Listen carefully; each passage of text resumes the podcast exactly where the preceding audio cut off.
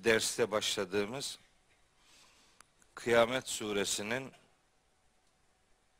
ikinci grup ayetini okuyacağız nasip olursa. Bu derse başlamadan önce biraz selam ileteyim size biraz. Öyle dediler çünkü ısrarla selamımızı söyleyin hocam diye. Bir 15 günlük süreç içerisinde Türkiye'nin çeşitli vilayetlerine konferanslara gittim.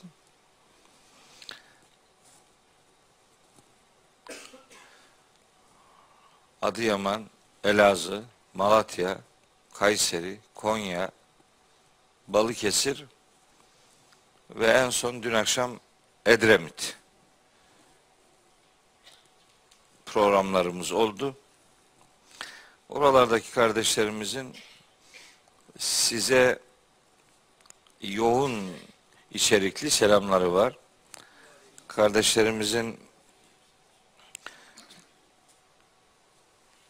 yürek seferberliği yaparak geldiği konferanslarımızı başarılı denebilecek bir ölçüde gerçekleştirdik elhamdülillah. Zor, e, yorucu işler olsa da nihayetinde haysiyetli işler. Bedenen, zihnen bizi yoruyor ister istemez. Ama yani nerelere gitsek hepsinde çok büyük bir katılım oluyor. Çok. O katılımlar insanın yorgunluğunu unutturuyor. Aslında ben yani öyle kalabalıklar üzerinden bir başarı veya başarısızlık değerlendirmesi yapan biri değilim. Yani kalabalıklar hakikatin ölçüsü değildir. Öyle bir öyle bir derdimiz yok. Olmaz, olamaz. Çünkü Kur'an bize kalabalıklar üzerinden değil, hakikat üzerinden mesaj verir. Yeri gelir bir kişi bile gerçeğin temsilciliğini yapar, yapabilir. Biz ona inandık. Hazreti İbrahim örnekliğini onun için kendimize rehber edindik. Hatta bütün peygamberlerin kalabalıklar karşısında mücadele ettiğini de biliyoruz. Kur'an bize onu ifade ediyor. Kur'an'da geçen kesirun, ekser kelimeleri filan hep e, böyle yerilerek, tenkit edilerek ifade edilir. Çoğunluk böyle bir hakikati temsil etmez ama işte bulunduğunuz ortamda karşınızda kalabalık olunca biraz daha farklı konuşuyorsunuz. İşte gaza mı geliyorsunuz ne oluyorsa öyle bir takım heyecanlar oluyor. Allah katılanlardan da katılmayanlardan da vahye gönül vermiş olması itibariyle razı olsun diyelim. İşte bu akşam böyle Sri Lanka'da bir felaket yaşandı. Yani üç tane kilise, iki tane otel terör saldırısına maruz bırakıldı. 150'den fazla insan hayatını kaybetti. Yani terörün her türlüsünü lanetliyoruz. Kim yaparsa yapsın. Biz daima mazlumun yanındayız. Zalim bizdense biz bizden değiliz. Bizim öyle bir e, bizim adamımızdır diye bir yanlışı asla savunacak halimiz yok. Böyle bir terörle insanlığın anılmasını da doğrusu bir yürek yangını olarak kabul ediyor ve derin bir hüzün yaşadığımı da belirtmek istiyorum. Allahu Teala insanlığı bu tür felaketlerden, bu tür felaket ekicilerin faaliyetlerinden muhafaza buyursun diye dua ediyorum. Evet. Şimdi Kıyamet suresinin dördüncü ayetiyle dersimizi bitirmiştik. Geçen ay. Beşinci ayetinden itibaren kalan kısmı okuyacağız bir bölümünü. Bugünkü hedefim 19. ayete kadar okuyabilmektir. Ee, ondan sonraki bölüm de bir derslik bölümdür. Yani inşallah bir sonraki derste bu sureyi bitirmiş olacağız. Bu sure bitmiş olunca da zaten Ramazan gelmiş oluyor. Bizim rutin aralığımız da e, yaşanmış olacak inşallah. Ben bugün bu 5. ayetten 19. ayete kadar ki pasajı inşallah bitireceğim. Niyetim o. Öyle notlar aldım. Ona göre bir okuma devam ettireceğim nasip olursa. Bir kopuk mana yaşanmasın, bir anlam e, irtibatsızlığı olmasın diye o ilk dört ayeti bir daha tekrarlayayım. Mealen tekrarlayayım. Ondan sonra beşinci ayetten itibaren devam edeceğim. Allahu Teala ilk iki ayetinde surenin kıyamet gününe ve kendini kınayan nefse yemin ediyor. Sonrasında nankör insanın mahşerdeki diriltilmeye dair inkarcılığına gönderme yapıyor. Onun inkarcılığını cevaplamak üzere de biz insanoğlunun parmak uçlarını bile yeniden düzenlemeye elbette kadiriz. Öbür alemdeki diriltilmeyi inkar hiçbir şekilde kabul edilebilir bir durum değildir demeye getirmişti. Hatta biraz önce geçen dersi nasıl bitirdim diye bir bakayım dedim. Orada size bir ödev vermiştim. Yani ödev değil de hani dedim ki şu ayetlere bakın. Allah'ın kudreti üzerinden Kur'an nasıl sunumlar yapıyor? Şu ayetleri bir okuyun. Eğer okursanız eyvallah. Okumazsanız okuyalım dedim. Hatırlatayım ayetleri. Vaka suresinin 58. ayetinden 74. ayetine kadar ki bir pasaj var. Çok harika bir pasajdır gerçekten. Allahu Teala'nın yaratma sisteminde ne kadar kudretli olduğunu, ne kadar kadir olduğunu ortaya koyan çok nefis bir pasajdır. E, dört tane konu başlığı verir orada Allahu Teala. O dört konu başlığından kudretinin kavranılmasını ister. Yüce Allah. Ben onu okuduğunuzu varsayıyorum. Okumadıysanız bir daha bir daha hatırlatayım okuyun. Şunun için söylüyorum. Ben o ayetleri okumaya başlarsam Kıyamet suresinden daha hiçbir ayet okuyamam. Yani Kıyamet suresi kalır. O endişeyle. Dört konu başlığı var. Onu oradan Rabça bir kelam olarak dinleyin. İnsanın yaratılışına önce dikkat çekiyor.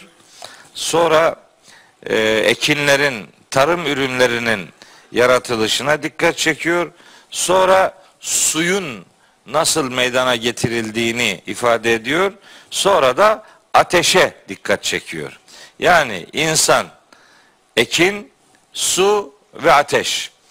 Bunların yaratılışıyla alakalı çok temel diyebileceğim mesajlar veriyor. O mesajları bir hatırlasanız iyi olur. Allah'ın yaratmasından yana herhangi bir tereddüdü olanlar e, geçen ders söylemiştim. Yasin suresinin son grup ayetini de mutlaka okumalıdır. Öldükten sonra diriltilmeyi inkar edenlere Allahu Teala üç çeşit cevap veriyor. Onları geçen ders anlatmıştım. Yoktan var etmek, vardan dönüştürmek, bir şeyi zıddından yaratmak, iki zıddı bir araya getirip ikisine de zıt olan üçüncü şeyi yaratmak gibi yani yaratmaya dair her detayı Rabbimizin verdiğini o Yasin suresinin son ayet grubunda dile getirdiğini ifade etmiş idim.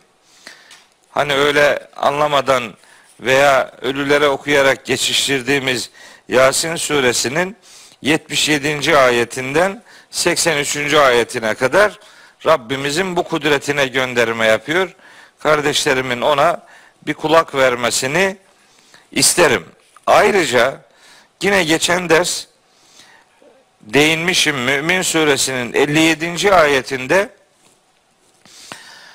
öldükten sonra diriltilmeyi inkar eden Mekkeli müşriklere ve Rabbimizin kudretiyle alakalı tereddüdü bulunan herkese cevap olsun diye gökleri ve yeri yaratmanın insanları yaratmaya göre çok daha büyük bir iş olduğunu, gökleri ve yeri yaratanın yüce Allah olduğunu inananların Allahü Teala'nın yeniden insanoğlunu diriltmesinde tereddüt göstermesini anlamak mümkün değildir.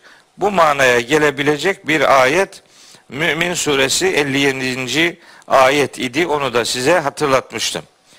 Şimdi Yüce Allah kemiklerin bir araya getirilmesini imkansız bulan zihniyeti gündeme getirerek bu kemikleri bizim bir araya toplayamayacağımızı mı zannediyor bu nankör insan?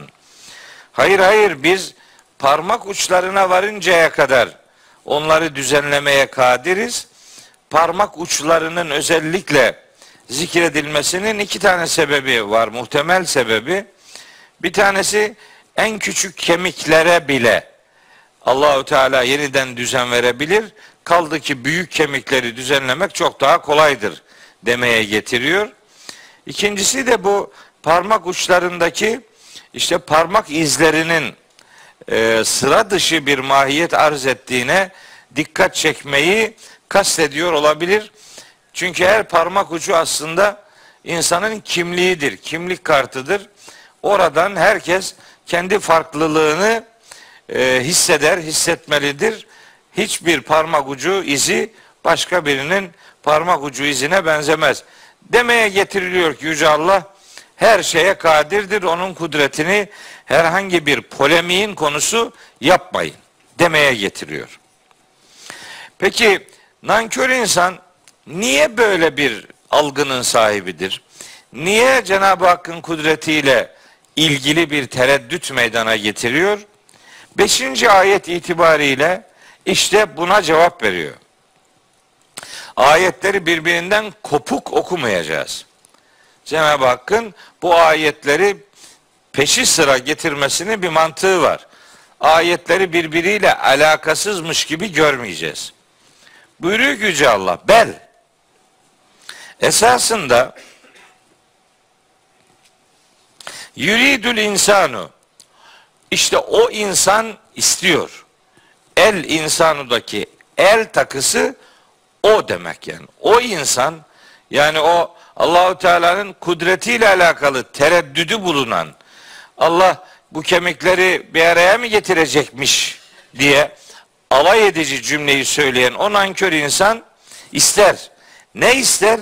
Liyefcura emamahu. Emam ön demektir. Half arka demek. Yemin sağ demek. Yesar sol demek.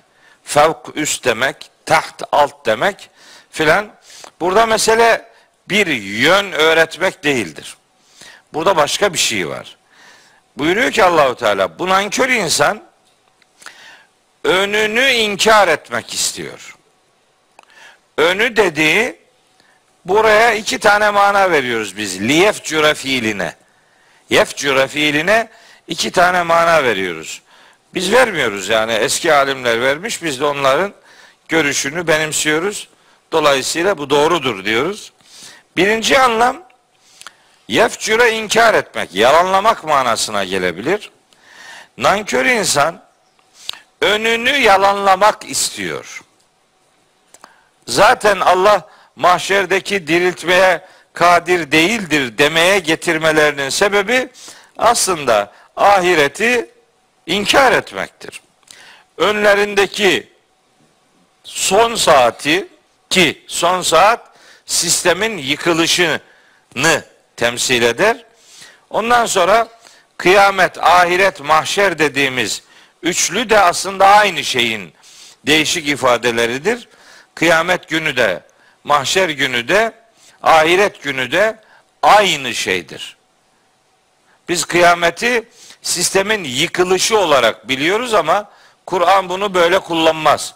Kur'an yıkılışla alakalı es-sa'ah kelimesini kullanır ki o, o son saat demektir. O son saat. İşte bu nankör insan o son saati ve sonrasını yani kıyam gününü yani kıyamet gününü önündeki bu gerçekliği yalanlamak istiyor. Onun derdi bu. Zaten Müddessir suresinde de buna bir göndermesi var.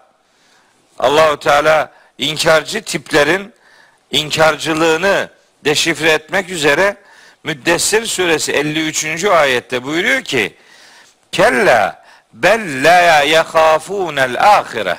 Bunların ahiret diye bir korkusu yok. Yani ahiret diye bir inancı yok. Necm suresinde de buyuruyor ki innellezine la yu'minune bil ahireti. Necm suresi 27. ayet. Ahirete inanmayan bu adamlar. Bunların problemi ahirete inanmamaktır. Liyefcura emamehu ifadesi de o algıyı değişik bir üslupla bir daha gündeme getiriyor. Yalnız yefcura fiilinin bir anlamı budur. Bir anlamı daha var. O da merhum Elmalılı'nın tercihidir. Füs, fıskı fücur işlemek. Yefcure zaten o manayı veren kökten geliyor. Fücura dalmak. Bel yuridül insanu liyefcura emame. Bu nankör insan aslında önünde yani yaşayacağı bu dünya hayatının kalan kısmında da günah işlemeye, fısk işlemeye, fücura devam etmeye kararlıdır. Bu adamın nihayetinde e, bundan başka bir amacı yoktur. Öyle bir amacı vardır. Onun sonucunda böyle şeyler söylüyor. İlginçtir. Ben sıklıkla söylüyorum. Bir daha söyleyeyim. Kur'an-ı Kerim'de kelimeler, kavramlar ve edatlar. Kelimeler, kavramlar ve edatlar standart anlamlı değildir. Bunların çok anlamlılık diye bir özelliği vardır. Her zaman aynı anlamı vermez bir kelime. Hatta bir kelime kullanıldığı ayette de tek anlamı vermek zor, durumunda da değildir. Büyük çoğunlukla tek anlam verir ama her yerde öyle değildir. Nitekim işte bu okuduğumuz ayetteki yefcura kelimesinin bir inkar etmek manası var. Bir de günah işlemek manası var. Evet, aslında her kelime geçtiği yerde bir anlam versin diye beklenebilir. Fakat bu mantıken doğru görülebilir. Buna bir şey demiyorum. Fakat bu başka bir şeye sebep oluyor. Neye sebep oluyor? Kur'an-ı Kerim'in tarihsel bir metin olmasına sebep oluyor. Yani Kur'an donuk bir metin oluyor. Bir tane anlamı var bir ayetin veya bir kelimenin neyse.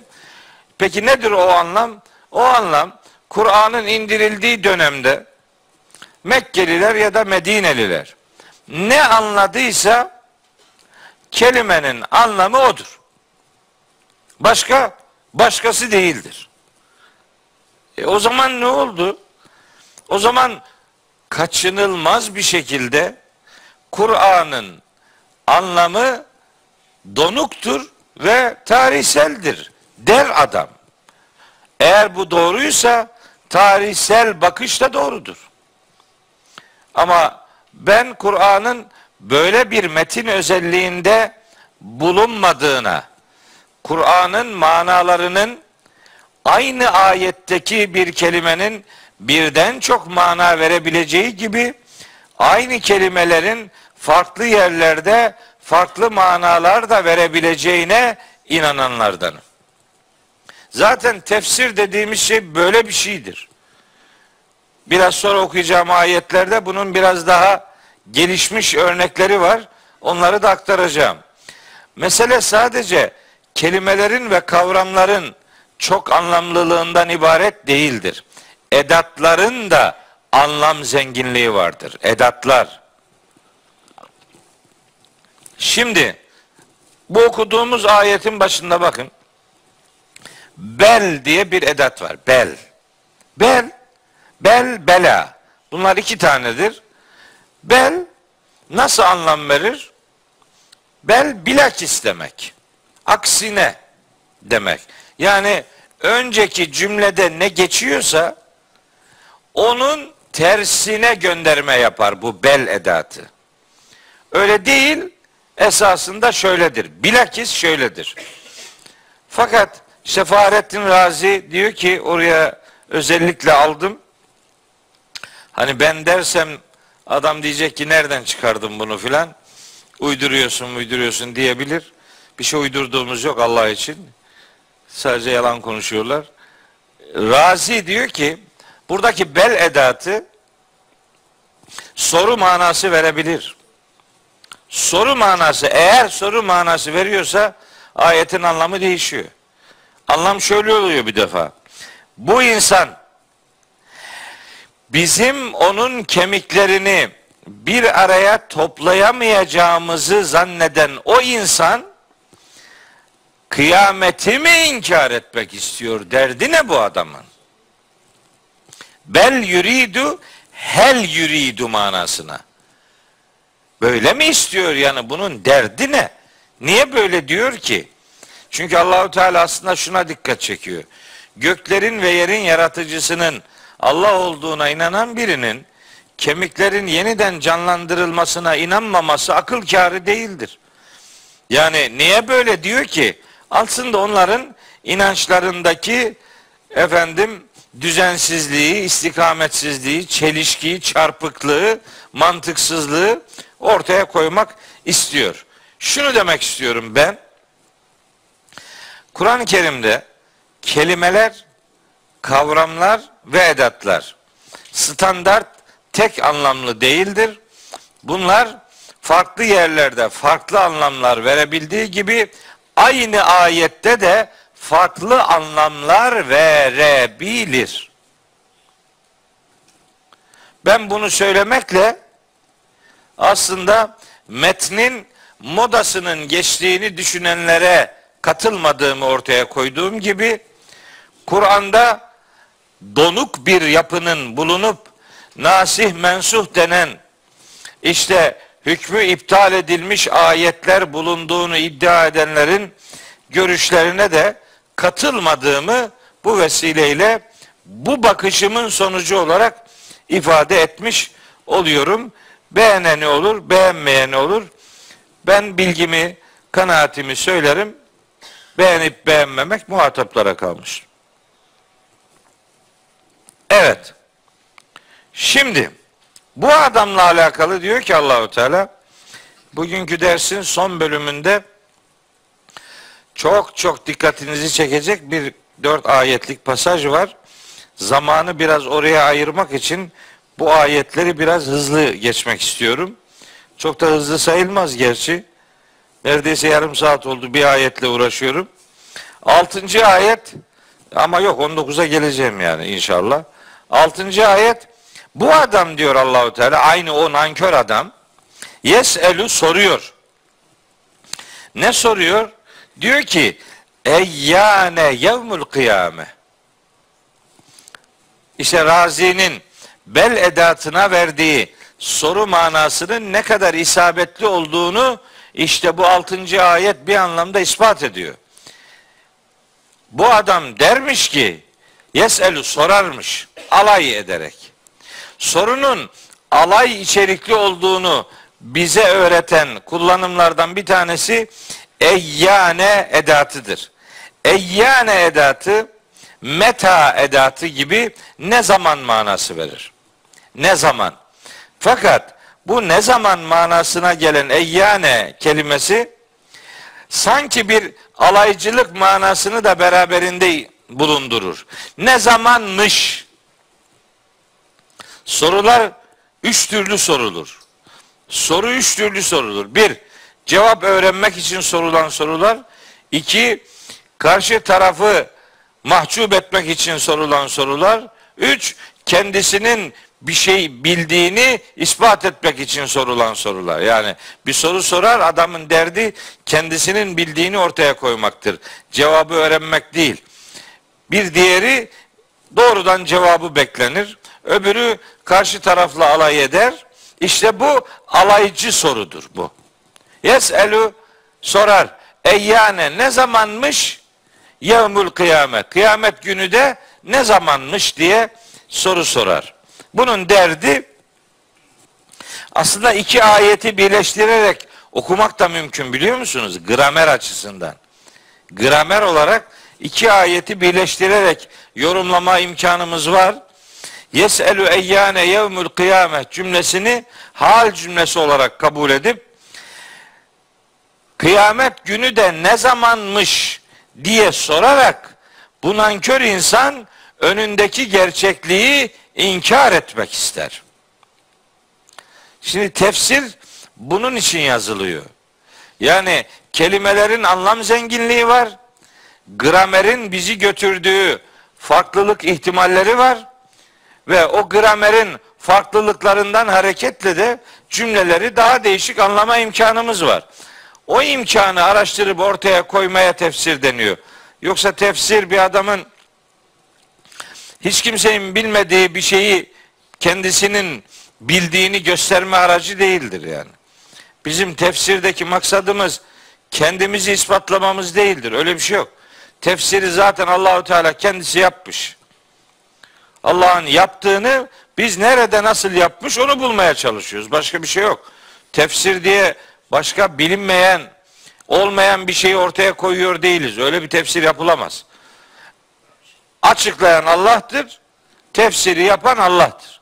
Biz ne yapıyoruz? Bu kelimeleri nasıl açıklamış Allahu Teala? Nasıl bir gramer kuralı burada işletilmiştir onu anlamaya çalışıyoruz işte. Çok fazla konuşmamızın ya da yazdığımız kitapların böyle çok ciltler dolusu olmasının sebebi Kur'an metninden kaynaklanıyor. Yoksa laf salatası falan yapmış değiliz. Öyle bir algısı olmasın insanların. Peki ne diyor?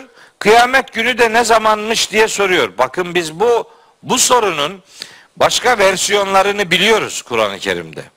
Bu hep böyle gelmez. Yes'elu eyyane yevmül kıyame. Hep böyle gelmez. Mesela Kur'an'da altı defa kullanılan ve mutlaka sizin de bildiğiniz ve yekulune meta hadel va'du in kuntum sadikin cümleleri var. Yasin'de var. İşte Mülk suresinde var. Yunus'ta var. Enbiya'da var. Sebe'de var. E, Nemil'de var. Altı tane bunlar. Onların verdiği mana ne? Bu mana aşağı yukarı aynı. Eğer iddianızda doğruysanız söyleyin bakalım o vaat ne zamanmış?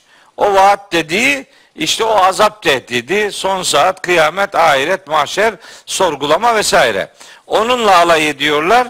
Onun değişik bir versiyonu bu ayettir. Yes'elu eyyane yevmul kıyame.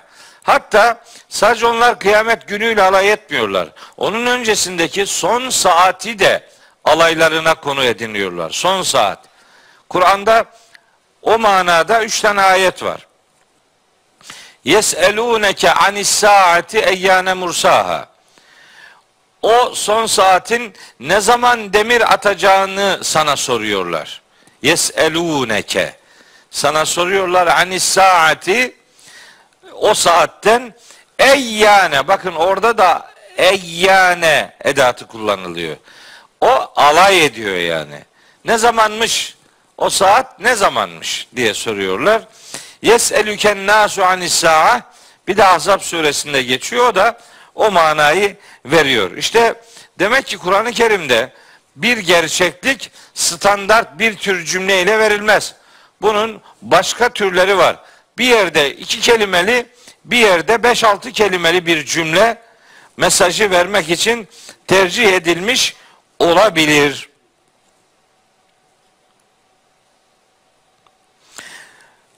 Hatta bakın Zariyat suresinin 12. ayetini de bu vesileyle hatırlayalım. Yeselune eyyane yevmuddini.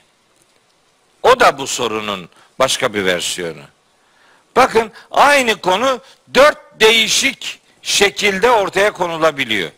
İşte bu Kur'an'ın metin zenginliğinin örneklerindendir. E biz şimdi yes'elü eyyane yevmül kıyame ifadesini anlayabilmek için altı tane ve yekulune metadel va'duya üç tane yeselune kânis saat eyyane mursaya bir tane de yeselune eyyane yevmüddin ayetine yani on tane daha ayete gönderme yapıyoruz. İşte onun için iş uzuyor yani. Millet yani niye niye ilerlemiyor? Bunun için kelimenin kendisinden metnin kendisinden kaynaklanan zorunluluklar var. Şimdi bu eyyane ile alakalı çok önemli bir şey daha söylemek istiyorum. Alay içerikli bir mantığı vardır bu kelimenin kullanımında muhatapların. Mesela bakın aynen içeriği aynı. İnkarcıların diriltilmeyi reddettikleri bir bağlamda Müminun suresinde Allahu Teala Hazreti Hud'un kavminden söz ettiği bir pasajda Hazreti Hud'a Ad kavmi diyorlarmış ki Eyaidüküm bu peygamber size şunu mu vaat ediyor? Enneküm izamittum siz öldüğünüz zaman ve küntüm turaben ve izamen toprak ve kemiğe dönüştürdüğünüz dönüştüğünüz zaman enneküm muhracun siz mi çıkartılacaksınız yani? Bir daha hayata mı getirileceksiniz? Böyle mi diyor bu e, peygamber için, Hazreti Hud için diyorlar. Alay ediyorlar ve sonra bu alaylarına kendileri nokta koyuyor kendilerince. Diyorlar ki heyhate heyhate lima tuadune. Heyhate heyhate. İşte o heyhate heyhate eyyane ile birbirine yakın mana verir. Ne kadar da uzak. Oho olacak iş değil. Bu size vaat edilen şey ne de uzakmış be. O ne de uzak. Uzaktadır. Bir süre sonra gelecektir manasında değil. Onun gerçekleşmesinin imkansız olduğunu kendilerince ortaya koymak istiyorlar. Müminun suresinin 36. ayetindeki kullanım bu eyyanenin manasındaki alaycılığı ortaya koyan bir yardımcı unsur olarak bize sunuluyor. Bir tane daha söyleyeceğim. O da Kaf suresinde. Yine konu aynı. Yani yine öldükten sonra diriltilmeyi inkar eden zihnin söylediği bağlamda geçiyor. Eyza mitna ve künna turaba. Biz mi? Yani biz mi ölüp toprak olduğumuz zaman biz mi diriltileceğiz demeye getiriyorlar. Sonra da kendileri cümlelerini sürdürerek diyorlar ki zalike rac'un ba'idun. Oo, bu çok uzak bir dönüş. Çok uzak bir dönüş dediği olmayacak bir iş. İşte bakın ne yaptık biz şimdi? Yeselü eyyane yevmuddin ayetini daha doğru anlayabilmek için daha neredeyse 15-20 tane ayete gönderme yaptık. Buna mecburuz. Kur'an'ın üslubu budur kardeş. Doğru anlamak istiyorsan böyle oluyor bu iş. Doğru anlamak istemiyorsan da yapacak bir şey yok. O zaman güle güle. Geçiyorum. Ne zamanmış diye alaycı bir şekilde soru sorana Allahu Teala cevabı bu defa üç ayette kendisi veriyor. Buyuruyor ki bir Feiza berikal basaru. İki ve hasefel kameru üç ve cumi'a şemsu vel kameru e, bu bu şimdi bir sürü ayet okumamız lazım bununla alakalı. Böyle bir taneyle geçmez, olmaz bu yani. Hani Kur'an'da böyle mesani ve müteşabih özellikler vardır. Bu ayetler pek çok ayeti görürler. Şimdi nasıl görülüyormuş bir bakalım. Ne oluyor yani? Ne dedi şimdi Allahu Teala? Feiza berika. Beri berk şimşek demek. Berika şimşek kelimesinin fiil hali. Feiza berika şimşek yani adeta şimşek çaktığı zaman. Ne de nerede çakıyormuş bu şimşek? El basaru. Gözler adeta şimşek çaktığı dönemde kamaşıyor. Gözler kamaşıyor. Yani böyle çok yoğun bir ışık, bir patlama meydana geldiği zaman hatta patlamayı bırakın şimşek bizzat şimşek çaktığı zaman adamın gözü görmüyor yani. Yani gö- gözünü bir anda yani ışık ışık gözünü kapatıyor. Görmüyorsun yani. Işık aslında görmeyi ve görünmeyi sağlayan bir unsurdur. Ama o belli limitlerde olursa böyledir. Limitin üstünde bir ışık hüzmesi meydana gelirse görünür kılan ışık görünmez yapar. İşte bu öyle bir şey. Feyda berikal basaru. Gözün şimşek gibi kamaştığı zaman artık görmüyorsun yani. Görmez hale geliyorsun. Şimdi bakın ben buradan bir şey daha çıkarıyorum. Diyorum ki el basar kelimesi el basar göz demek. Görme yani görme. Bu görme el takısı var ya başında. Bu kelimelerin başlarındaki takı kelimelerin belirteç edatlı olup olmaması, sonlarında tenvin bulunup bulunmaması, kelimelerin müstakil yahut da tamlama şeklinde kullanılmış olup olmaması manayı, anlamı, mesajı doğrudan ilgilendirir. Yani bunları görmeden ayetlerin vermek istediği mesaj ciddi söylüyorum. Tam anlaşılmaz. Şimdi burada el basaru göz, bakış. El takısı bir belirteç edatıdır. Bu belirteç edatı ya belli bir grubun gözüyle alakalı mesaj verir yahut da görmeyle alakalı bütün özellikleri içerir. Şunu demek istiyorum. Görmek ifadesini sadece insanlarla sınırlı tutmak zorunda değiliz. Elbasar kelimesini görebilen her varlıkla ilişkilendirebiliriz. Görebilen her varlık. Böyle olunca bakın şimdi ne oluyor? O zaman başka varlıklar da etkileniyor demek ki.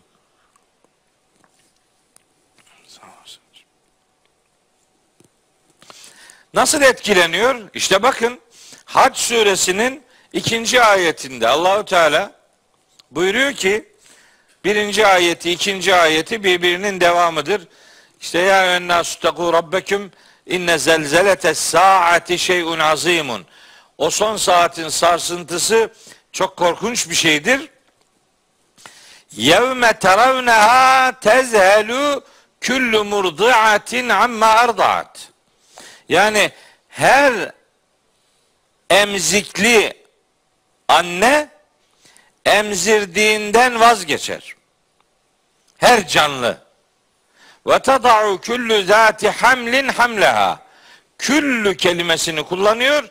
Buradan maksat sadece insan cinsiyle ilgili değil bu iş demek istiyor. Her canlı, her canlı, her doğurgan anne işte emzirdiği yavrusundan vazgeçer. Her hamile canlı hamilesi olduğu yavrusunu düşürür. Ve teren nase sükara ve mahum bir sükara. Bu arada insanlar da aslında sarhoş olmamalarına rağmen onları sarhoş görürsün. Bakın demek ki her tarafı ilgilendiriyor bu iş. Hatta şeyde Tekvir suresinde Tekvir suresinde çok güzel bir gönderme var buna. Bu işe.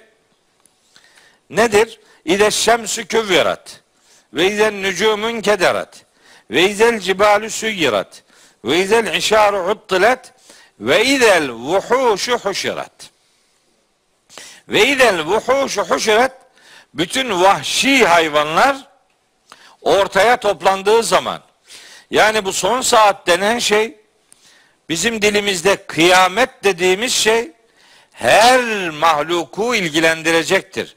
Bu ayetler Tekvir suresinin ilk yedi ayeti evrende ne varsa hepsini içerecek sembolik sunumlar içerir. İle şemsü küvviret işte yıldız güneşi güneşin şeyini değiştireceğini, bu yapısını kaybedeceğini, dürüleceğini anlatıyor. Şey yıldızlar dökülecek, dağlar yürütülecek. 10 aylık hamile develer bırakılacak. Sembolik bir ifadedir bu. Yani bu şu demek. Herkes neye kıymet veriyor? Gözünden adeta sakınıyorsa neyi, neyi öyle sahipleniyorsa o gün 10 aylık hamile deve çok bir servet ediyordu. O bile bırakılacak, ortalığa salınacak diyor Allahu Teala. Bu semboliktir.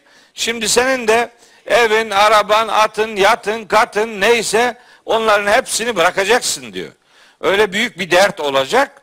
İşte tam o ortamda veydel vuhuşu huşiret.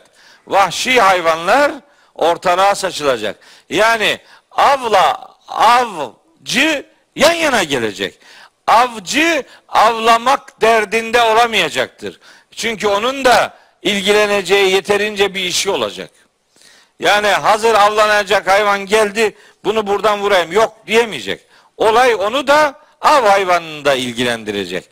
El basar kelimesi bütün gözleri içeriyor. Sadece insanlarla alakalı değil. Aslında burada maksat canlılar bundan etkilenecek demektir. Sonra da evrendeki yasaya dikkat çekiyor. Buyuruyor ki vakasefel kameru Ay kararacak. Hasefe kararmak.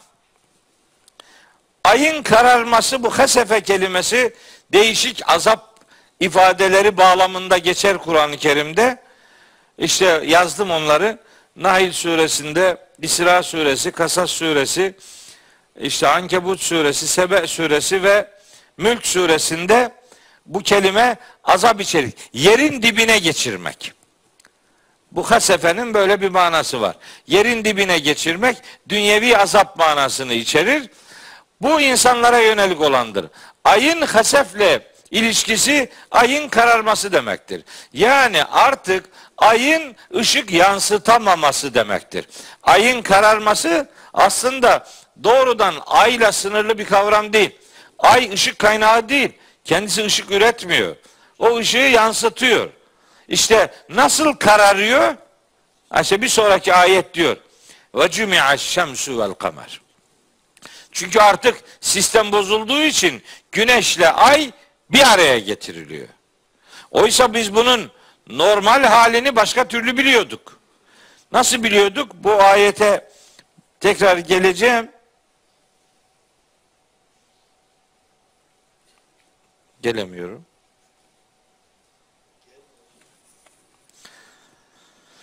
Teknoloji özürlü olduğumu itiraf ediyorum. Ahmet. Gitmiyor bu ya. Evet. Ay karardı. iPad karardı. Karardıysa karardı ne diyelim yani. Evet. Bu son saatle alakalı iş. Bu ortalık kapkaranlık olacak demek değil. Daha sonra başka bir iş başlayacak kıyamette. Onu söyleyeceğim. O başka. Şimdi ne oldu? Ay karardı ve cümia şemsu vel kamer güneşle ay bir araya getirildi. Bu son saat esnasında meydana gelecek iş. Ahmet bu çalışmıyor. Yani o, o, o nereden görüyor bunu bilmiyorum. Ama bu başka. Neyse oradan bakacağız da nasıl değiştireceğiz sayfayı? Allah'ım ya. Feselu ehle zikri in kuntum la ta'lemun. Demiş Allahu Teala. Bilmiyorsan bilene sor. Sorduk biz de geldi. Ve cümi'aşşem öyle demiş ya Kur'an'da her şey var deyip duruyorsunuz. Her şey var. Söyle bakalım ekmek nasıl yapılıyor? O var mı? O da var demiş. Nerede var? Nail suresinde var. Feselu ehle zikri in kuntum la ta'lemun. Eğer bir şey bilmiyorsanız bilene sorun. Al. Git fırıncıya sorarsın, onu öğrenirsin. Bu kadar basit. Güneşle ay bir araya getirilecek. Oysa biz güneşle ayın sistemini biliyoruz. Bakın bir, bir takım ayetler var. Hepsini söylemek durumunda değilim elbet ama bir iki tanesine gönderme yapayım. Çünkü o göndermeyi yapacağız ki son saatteki değişim ve dönüşümün ne olduğuna dair durumu anlayalım. Ayetlerin mesajını anlayalım.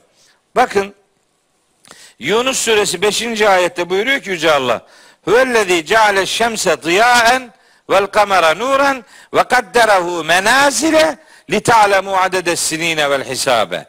Yani Allah güneşi ışık kaynağı yaptı. Ayı nur yaptı. Aya çeşitli menziller verdi ki yılların sayısını ve hesabı bilesiniz. Ma halakallahu zalike illa bil hak. Allah bütün bunları bir amaçla yarattı. Bir amacı var bu işin. Bu hangi ayet? Yunus 5. Bakın.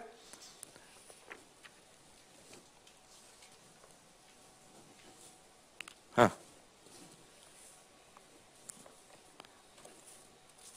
Şimdi bir ayet daha okuyorum.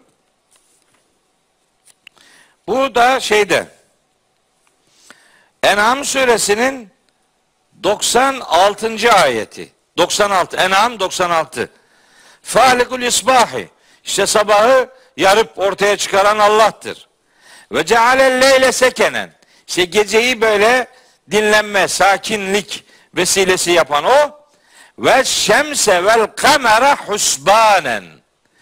Güneşi ve ayı da bir hesaba göre hem varlığını bir hesaba göre sürdüren hem bir hesap öğrenmeyi, hesap takip etmeyi insanlara imkanlı hale getiren sistemi kurdu Allahu Teala. Güneşi ve ayı bir hesaba göre dizayn ederek hesabı var bunun. Hangi ayet? En'am suresi 96. ayet. Bir tane daha söyleyeyim. Bu da İsra suresinde Allahu Teala buyuruyor ki gece ve gündüzle alakalı bir bilgi veriyor. Sadece ayeti söyleyeyim, okumayayım. 12. ayeti İsra suresinin ama bizim bu konuyu konuştuğumuz her mecrada mutlaka bilmemiz gereken ayet e, Rahman suresindedir. Orada buyuruyor ki Allahu Teala Eşşemsu vel kameru bihusbanin. Güneşin de ayın da bir hesaba göre varlıklarını sürdürdüğünü haber veriyor Allahu Teala. Hesabı var. Bir husbanin bir hesaba göre iş. Hem onların kendi sistemlerinin bir hesabı var. Hem onlar o sistemi devam ettirirken insanlara yılların sayısını ve hesabı öğretme misyonu var. Bunların sistemi var. Allahu Teala onları öyle dizayn etmiş. Bu ayetleri oraya yazmadım. Hani güya e, şey uzamasın diye ama mecburen söylemek zorunda kaldım. Hepinizin bildiği Yasin suresi 40. ayet var. Sistemi bize aslında bu ayet öğretir. Sistem hakkında bu ayet bize çok güzel bir bilgi verir. Der ki Allahu Teala tabi 40. ayet diyoruz ama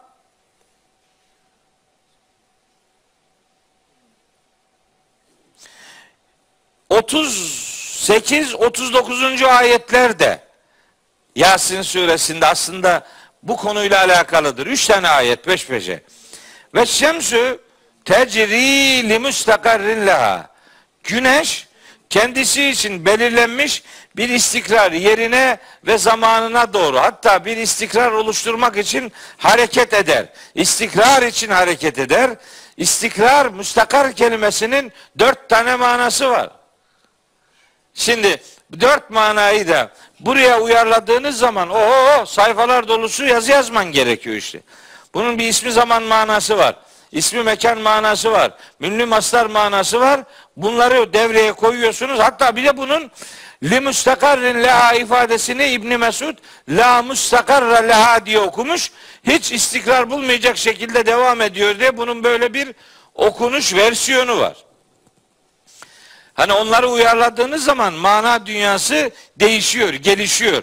Onun için iş uza, uzuyor, millet de şikayet ediyor. Şikayet etmeye gerek yok. Sistem devam ediyor. Niye böyle? Zalike takdirul azizil alim. Bu iş var ya bu. Her şeyden güçlü olan ve her şeyi hakkıyla bilen Allah'ın en ince ayarlamasıdır. Takdir demek ölçü vermek, ayar vermek demektir. Allah'ın ayarlamasıdır bu güneşe dair. Peki vel kamera ay da öyle. Vel kamera aya da kaddernahu menazile. Ona da çeşitli menziller takdir ettik. Hatta nihayetinde ade olur dönüşür kel urcunil kadimi. Eski bir hurma dalı gibi olmaya dönüşür. Eski hurma dalı gibi olmak. Çok enteresan bir benzetme. Çok harika bir benzetme. Allahu Teala ayın durumunu işte eski bir hurma dalına benzetiyor. Çünkü eski hurma dalı yaprağının o sapı e, dalından yani yerinden düştükten sonra e, gün geçtikçe incelir, inceldikçe kıvrılır, incelip kıvrıldıkça sararır. Aynen o hurma dalının durumu neyse hilalin durumu da öyledir.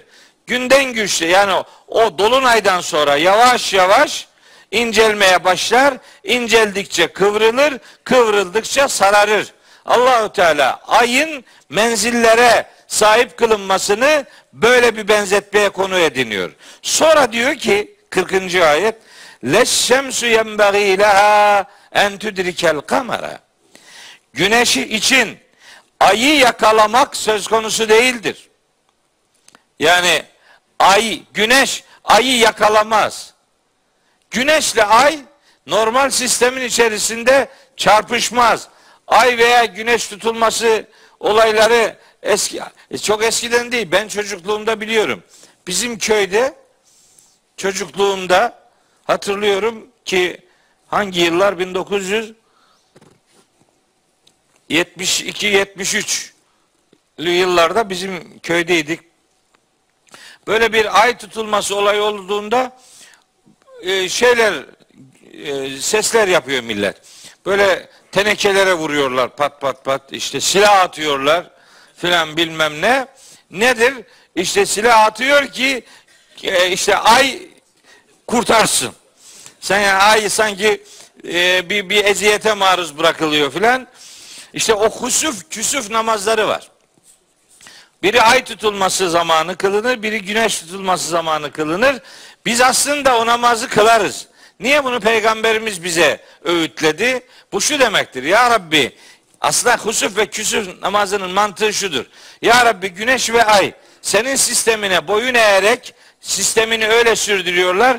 Onlar sistemine boyun eğiyorlar. Ben de sana boyun eğiyor, secde yapıyorum. Yani kainatın tesbihine biz de irademizle katılıyoruz. Onun için husuf küsuf namazı çok önemlidir. Evrendeki tesbihe, iradesiz tesbihe irademizle katılarak tesbihimizi zikre dönüştürüyoruz. Hani bu ne gerek var buna filan? Ne gerek var değil. Var gerek var işte yani. Sen de o koroya katkı veriyorsun. Sen de o koronun harmonisine karşı çatlak ses çıkartmıyorsun. Sen oraya katılıyorsun işte yani. İbn Abbas demiş ki İbn Abbas Allah ona rahmet eylesin. Mahşerde görmek istediğim insanlardan biridir. O kadar o kadar meftunum ki onun zihnine. Ben öyle bir zeka görmedim arkadaş ya.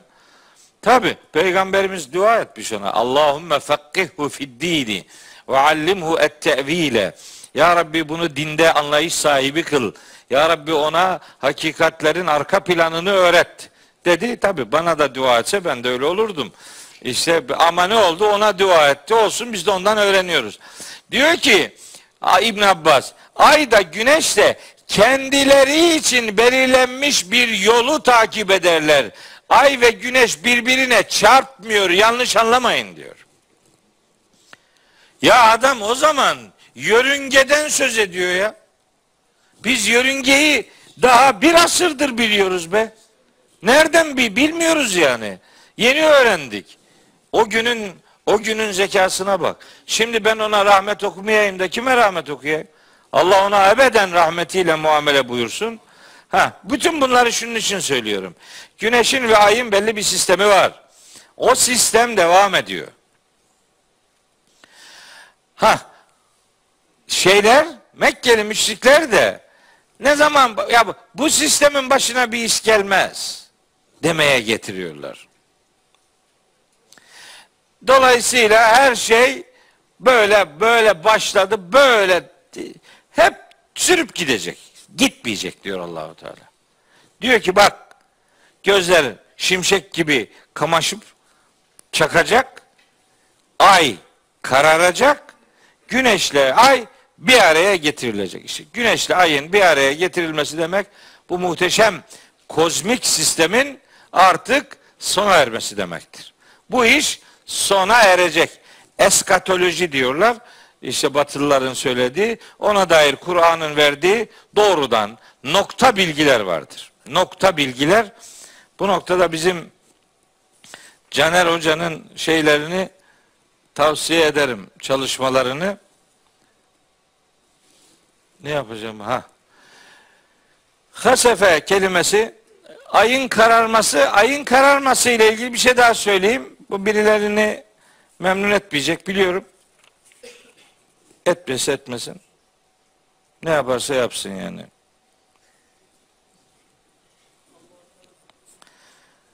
Şimdi ay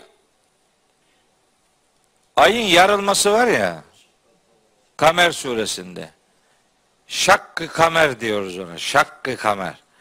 Mekke döneminde Şakkı kamerin yarıldığı yani yaşandığı ifade ediliyor. Yani o ayeti yani Kamer suresinin birinci ayetini aslında bu ayetin tefsir ettiği kanaatindeyim. Yani orada şakkı kamer denen şeyin aslında onun deyimsel bir manası olduğu da ifade ediliyor. Yani inşakkal kamer demek iş apaçık ortaya çıktı manasında bir mecazi bir deyimsel bir boyutu olduğu da söyleniyor. Ama o son saatle ilgili yaşanacak olayların geçmiş zaman kalıbında Kur'an'da verilmesinin de bir üslup olduğunu zaten biliyoruz biz. Yani bu bir Kur'an üslubu. Gelecekte yaşanması muhakkak olan olaylar yaşanmış gibi sunulur. Bu bir Kur'an üslubudur.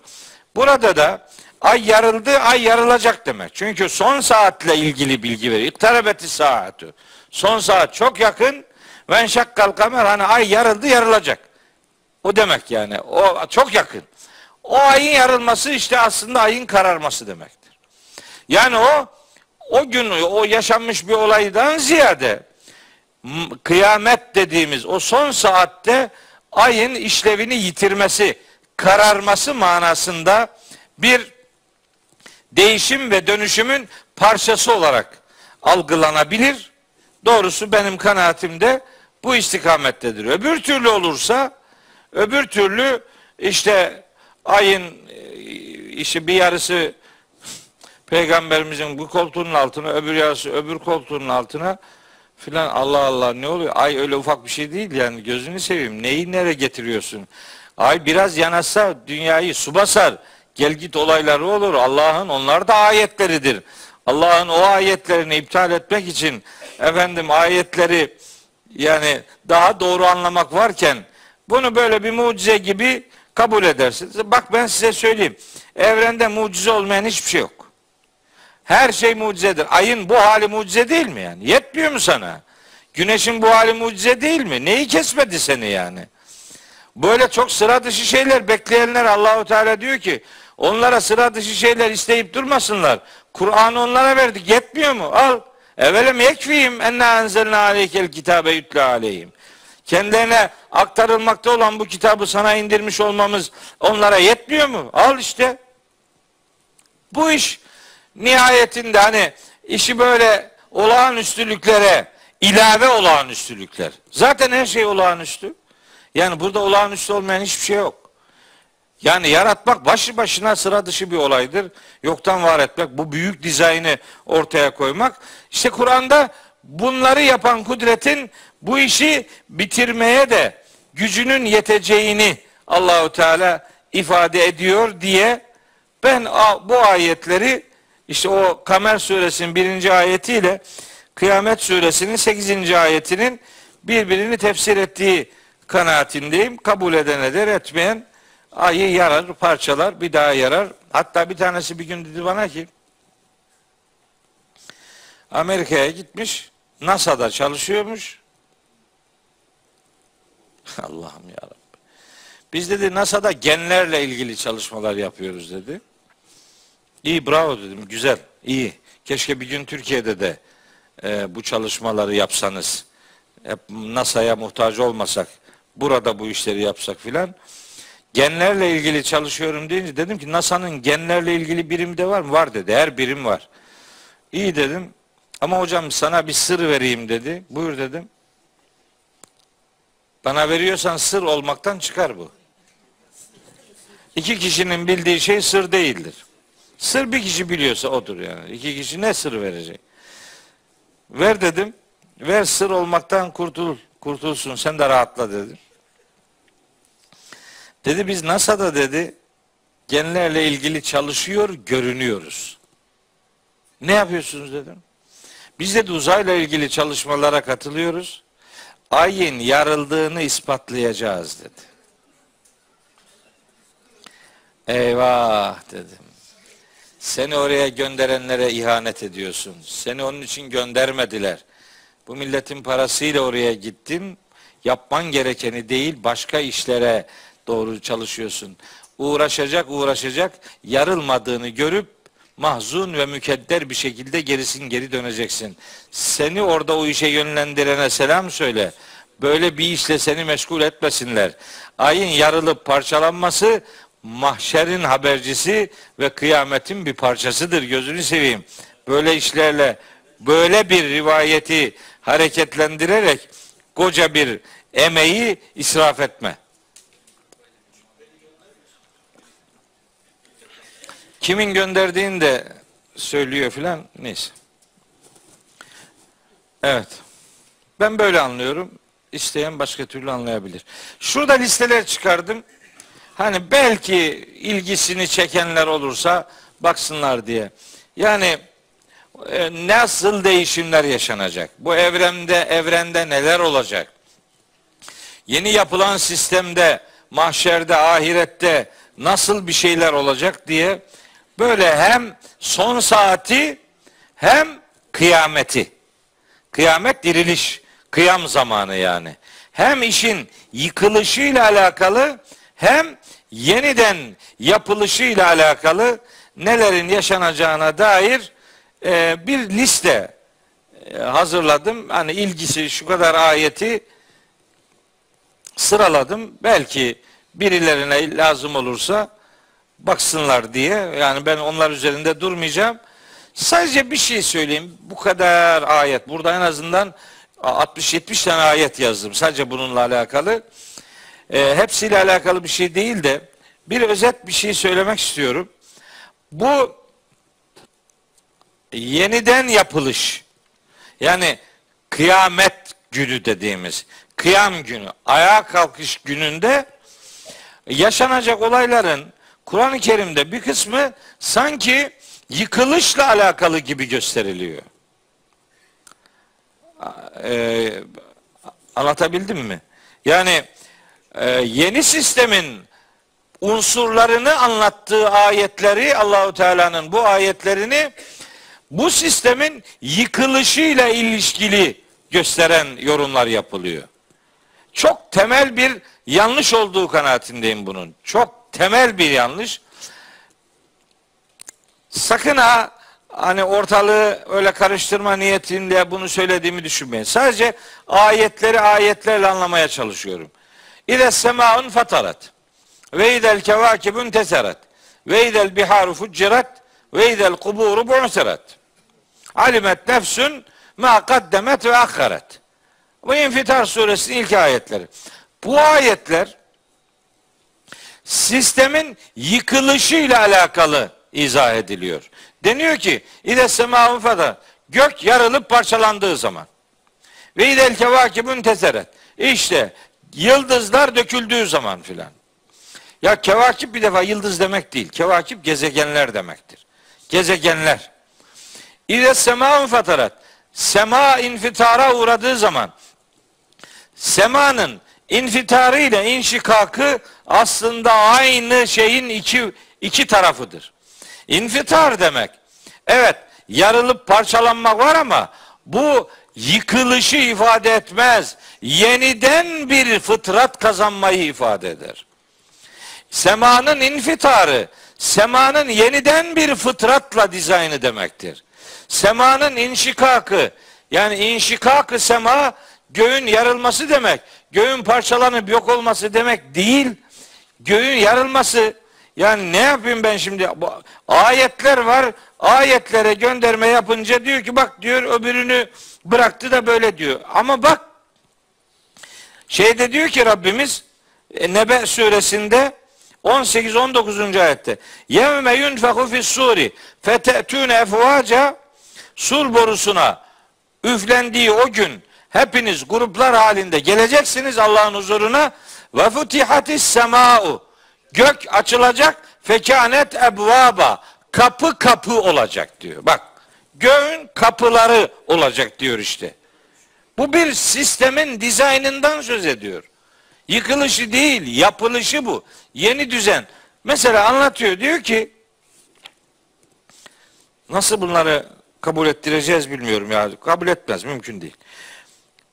Rahman suresi 37. ayette diyor ki Allahu Teala Feiden şakkatis sema'u Gök yarıldığı zaman fekanet verdeten keddihani yani yağ gibi kızıl bir gül gibi olacak.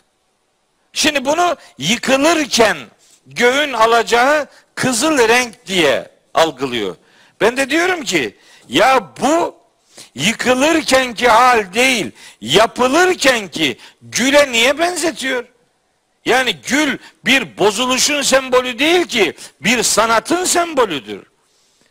Yağ gibi gül görünümlü bir hali alacak. Yani o sistemin göğü demek ki mavi değil, kırmızıya, güle benzer bir şekil alacak. Bakın ne kadar temel bir bakış farklılığı e, söz konusu. Biri yıkılışı, biri yapılışı anlatıyor. Hatta bir tane daha ayet söyleyeyim. Bir sürü ayet biliyorum şimdi hepsi aklımda böyle sıra sıra dizildi ama bir tane daha okuyayım. Yetsin artık. Furkan suresi 25. ayette diyor ki Allahu Teala ve yevme teşakkakus sema'u bil gamami. O gün sema bulutlar ile yarılacak. Yarılıyor. Niye yarılıyor? Ve nüzzilel melaiketü tenzila. Melekler oradan aşağıya indirilecekler. Demek ki o alemin gökleri var. O alemin göklerinin yarılması, kapı kapı olması ve o yarılması gül gibi bir görüntü vermesi ve onun içerisinden meleklerin gelip yargılamanın başlatılmasıdır. Yeni bir düzenin kurulmasından ayetlerin söz ettiği kanaatindeyim. İle semaun fatarat. Gök yeni bir fıtrata kavuşturulacak. O alemin de gökleri olacak kardeşim. Yevme tübeddelül erdu gayrel ardı ve semavatu. O gün yer başka bir yere dönüştürülecek ve gökler de dönüştürülecek. Nasıl dönüştürülecek? Yeni bir fıtrat kazanacak. Ve idel kevâkimün teseret. Gezegenler serpiştirilecek. Ve idel biharu fucciret. Orada denizler fışkırtılacak. Ya ya de, cennetlerde ırmaklar ırmaklar deyip duruyorsun. Nereden aynı yapının parçası bunlar. Tecrimin tahtiyelen har. O kadar nehir nereye gidecek işte. Denizi var. Oranın da denizi var kardeş. Yani bilmiyorum. Şimdi bunu ka- kabul ettiremiyorum. Diyor ki niye böyle dedin? Dedim. Anca anlıyorum ayetleri. Öbür türlü anlamadan geçiştiriyorum. Öyle dediler. Dediyse bir bildiği vardır. Ben rahat etmiyorum öyle. Valla bana akıl verdi. Bu akıl ikna olmam lazım benim. Ben böyle ikna oluyorum. Hem böyle diyecek, başka türlü diyecek hem de Hud suresi 106, 107, 108. ayetleri okurken e, hadi bakalım oku. Halidine fiha onlar cennette veya cehennemde ebedi kalacaklar. Ne kadar? Madameti semavatü vel ardu. Gökler ve yer devam ettiği sürece. E, bak demek gökleri ve yeri var oranında. Kardeşim. Ha, biraz önce demiştim. Ay kararacak, güneşle ay bir araya getirilecek filan. Ortalık kapkaranlık olmayacak ha. O yeni bir dizayn var diyorum bak. Yeni bir dizayn. Yeni bir dizayn şu demek. Zümer suresi 69. ayet. Ve eşrekatil ardu bi nuri rabbiha. Arz nurunun Rabbi ile aydınlanacak. Şey Rabbinin nuru. Nurunun Rabbi ne demek ya? Rabbinin nuruyla çok konuşursan kelimeler dolaşır ağzında biraz. Ee, şey heyecan bastı beni. Niye? Yetişmeyecek. Allah'ım ya Rabbi ya. Rabbinin nuruyla yeryüzü aydınlanacak. Orada başka bir aydınlığımız daha olacak bizim. Nuruhum yes'a beyne eydihim ve beymanihim. Önlerinden sağlarından onların nuru koşacak. Nur. Herkese özel bir ışık olacak orada. O ışık buradaki Kur'an'dır işte. Burada ışığını Kur'an'dan alanın orada ışığı Kur'an olacaktır. Burada Kur'an'la vedalaşan orada ışıksız karanlıkta kalacak. Ben böyle çıkarımlar yapıyorum. Beğenenine. Beğenmeyen beğenmez. Anca ayetleri buluşturuyorum. Acayip hoşuma gidiyor. Var tabi. Var hiçbir sakıncası yok. Müslümanlar burada bu bir azap değil bu. Bu, bu gayet güzel bir iş. Yüreği ha yüreği patlamak var. Bak. Bak tam yüreği patlamak ifadesi kullanıyor Kur'an'da iki yerde. Biri Nemil suresi 88. 87. ayette, biri Zümer suresi 67. ayette. Birinde fezi'a diyecek. Ve yevme yunfeku fis suri fefezi'a men fis ve men fil. Göklerde ve yerde kim varsa yüreği patlayacak. Ama illa men Allahu. Allah'ın diledikleri bundan hüzünlenmeyecek, etkilenmeyecek diyor. İki ayet, biri Zümer suresinin 67. ayeti, biri Nemil suresinin 87. ayeti. Herkes yani herkes yüreği patlamayacak. Yüreği patlamayacak olanlar var. Biz de onlardan olacağız inşallah. Sadece o gün yaşayanlarla ilgili değil ki daha önce ölenlerin de bundan düşüp bayılma, etkilenme durumu olacak yani. Bu bütün bu tehditler sadece o an yaşayacaklar için değildir. Allah'ın kontrolündeki ruhlar da o sıkıntıyı yaşayabileceklerdir kötüleri. İyileri de bundan istisna edilecektir. Fezi'a. Bir de düşüp bayılmak var saika. İki kelime kullanılıyor. Biri fezi'a, biri saika. O saika fiil Hazreti Musa ile ilgili de kullanılıyor. Diyor ki Felemma tecella rabbuhu lil cebeli cealehu dekken ve harra Musa saika.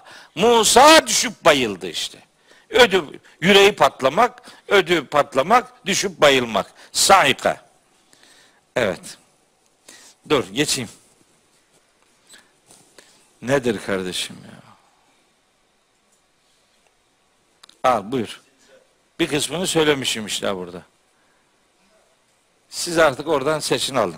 Ben şimdi devam ediyorum. Yekulul insanu yevme izin eynel meferru. O gün işte bu işler olduğunda sistem bozuluyor artık. Gitti. Perişan bir durum var. İşte o gün yekulul insanu yevme izin. Nankör insan işte o gün şöyle diyecek. Ne diyecek? Eynel meferru. Kaçış nereye? Nere kaçalım? Hani inkar ediyordun hadi bakalım. Çünkü o aynı inkarı o gün yapacak olanlar da var yani. Küfür aynı mantıkla hareket eder yani. O dünün Mekkeli müşrikleri ne dediyse kıyamet zamanı, son saat zamanının müşrikleri, kafirleri de aynısını söyleyecek. Çünkü Mekkeli müşriklerin söylediği ilk defa onların sözü değil. Ta Hazreti Nuh'un kavmi de aynısını söylüyordu. Aynı damardan besleniyor bunlar. Dün ol vardı, bugün var, yarın da olacak. Aynı zihniyet bir kısmı bedenen sağken bir kısmının ruhları belli ki bu bu ifadeyi eynel meferru nere kaçmak lazım? Kaçış nereye gibi bir beyanı dile getirecekler. Aslında bu kelimeden kaynaklı üç tane anlam ihtimali var. El meferru e, el miferru ve el mefirru diye üç tane okunuşu ve üç tane farklı manası var bunun. O detaya girmiyorum. Evet. Haydi bakalım. Burayı da geçiyorum. Onlara devam cevap verilecek. Denecek ki kelle hayır. Hiç la bezer. Hiç kaçıp sığınacak başka bir yer yok. İla rabbike yevme izinil müstakarru. Sadece ve sadece o gün müstakar denen yani istikrar edilecek yer sadece Rabbinin katıdır, Rabbinin huzurudur. Onun huzuruna çıkacaksın. Kaçacak hiçbir yer yok. Yalandan sağa sola kıvrılma. Kaçacak yer yok. Ha bu şey ila rabbike yevme izinil müstakarru. Bu cümle devrik bir cümledir. Devrik. Yani bu cümlede aslında cümle eğer düz halde olsaydı Rabbinin huzuruna o gün istikrar bulacaksınız manası verilir ama başka bir yerde ihtimal dahilinde görülebilir. İhtimal.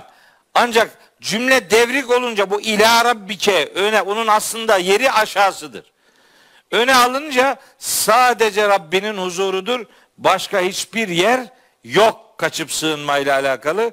Buna takdim tehir yoluyla hasır kasır tekniği yani vurgulu ifade deniyor. Onu orada görmek lazım. Hiç olmazsa tercümeye bunu yansıtmak lazım. Yani o gün varıp varıp durulacak yer sadece Rabbinin huzurudur. Başka bir yer yok. Başkasının ahireti yok. Başkasının mahşeri yok. Başkasının yargılama sistemi yok. Öyleyse gidip varılıp durulacak tek yer Allah'ın huzurudur. Ayetteki mesaj bunu veriyor. Onu söylemiş oldum. Evet, hiç kaçacak hiçbir şey yok. Sonra okuyacağım bunları. Hiç yalandan saate bakmayın. Yok abi. Çünkü ben bir dahaki ders bu sureyi bitireceğim. Başka türlü bitmez. Ne olacak şimdi? 13. ayet okuyorum. Şimdi burası çok önemli. Ben aslında bugünkü bütün performansımı buraya ayırmıştım. E, bir buçuk saat gitti öbür tarafa. Olsun bir sürü ayet okudum size. Bu iyiliğimi unutmayın yani. Şimdi bakın ne diyor. Şimdi adam kaçacak yer arıyor filan bilmem ne. Yok kaçacak hiçbir yer. Kur'an-ı Kerim'de bütün Kur'an ayetlerine şöyle hani kuş bakışı hepsine hepsine bir bakarsanız mahşer için yedi aşamanın yaşanacağını görürsünüz. Yedi, yedi aşama. Bir, diriltilme. iki toplanma. Üç, Allah'a sunulma. Dört, bilgilendirilme. Beş, sorgulanma, yargılanma. Altı, değerlendirilme. Yedi, cennete veya cehenneme sevk. Yedi aşama. Bunlarla ilgili binden fazla ayet var Kur'an-ı Kerim'de. Bin. Rakamı öyle yuvarlak söylüyorum ama azı değil fazlası var yani. Şimdi bu yedi aşamanın dördüncü aşaması. Bilgilendirilme aşaması. Diyor ki Allahu Teala buyuruyor ki yünebbeul insanu yevmeidin. O gün insanoğluna haber verilecek. Ne haber verilecek? Bima kaddeme ve akkara. Takdim ettiği ve geride bıraktığı ne varsa. Yani bunu şöyle ifade edebiliriz. Yapması gerektiği halde yaptıkları ve yapmadıkları, yapmaması gerektiği halde yapmadıkları ve yaptıkları. Yani iki taraflıdır bu. Yapması gerektiği halde yaptıkları ve yapmadıkları, yapmaması gerektiği halde yaptıkları ve yapmadıkları. Ne varsa hepsi o gün insana haber verilecek. Yani bu şu demek. Yargısız infaz yapılmayacak demektir. Onunla ilgili bir grup ayeti yazdım. Yani bu ayetlerin hepsini okumak isterim. Yani konuşmak isterim. Şu İsra 13 14, Keyif 49, Yasin 12, Yasin 54, Necim 38 41, Kamer 52 53, Mücadele 6, Zilzal 7 8 bu yapılanların kayıt altına alındığını ve insanların önüne getirileceğini ifade eden ayetler bunlar. Hepsinde bunlar aşağı yukarı bu ayetlerde verilen mesajlar bu. Geçeyim. Takdim ve tehir edilen şeyler nelerdir? Bir takım anlam ihtimalleri var. Müfessirlerin çeşitli görüşleri vardı. Onları aldım.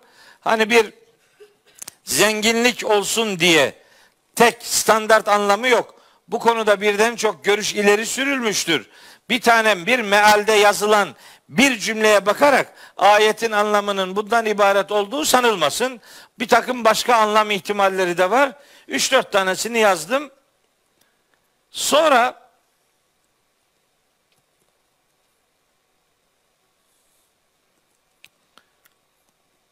ya işte yazmışım. Her kim bir işe öncülük eder veya destek verirse ona da bir pay vardır.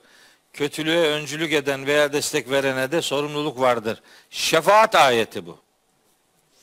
Bu Nisa suresi 85. ayet. Yani takdim ettiğin şeyler bir şeye öncülük yaptıysan, bir şeye aracılık yaptıysan, bir şeye ön kattıysan, iyi bir şeyse o yaptığın iş kıymetlidir. Onun sevabından sana gelir. Sen yaptın çünkü. Senin orada emeğin var. Ya kötü bir iş yaptıysan da, kötü bir şey başlattıysan, o kötülük yapıldığı sürece senin defterine oradan bir kopya kağıdıyla sana da yazılır o yani. Hepsi. Mesela. Yani hangi günah aklınıza gelirse gelsin. Neyi siz başlattıysanız ve öyle devam ediyorsa her devamında sizin bir katkınız var demektir orada. Oradan size bir şey gelir. Sevap olarak yaptığınızdan da günah olarak yaptığınızdan da siz yaptığınız için onun bir kalemi, bir kopya kağıdı size yazılır demek istiyor Nisa suresi. Yani takdim ettiğin, tehir ettiğin şey demek bunları da kapsar. Nitekim Hazreti Peygamber'in çok nefis bir hadis-i şerifi var. Onu mutlaka hatırlatmak istedim. Bu ayeti tefsir ediyor Peygamberimiz. Buyuruyor ki her kim güzel bir çığır açarsa men senne sünneten haseneten diye başlayan bir hadis-i şerif kim bir güzel çığır açarsa onu yapanların sevabından ona da vardır. Her kim de bir kötü çığır açarsa ona da onu işleyenlerin vebalinden vardır. Sen yaptın çünkü sen sebep oldun. Orada senin parmağın var. Senin orada bir boyutun var. O seni gelir bulur kardeşim. Şimdi ben diyorum ki bak bu Müslim'de var, işte Nesai'de var, İbn Mace'de, Ahmed bin Hanbel'in Müsned'inde vesaire.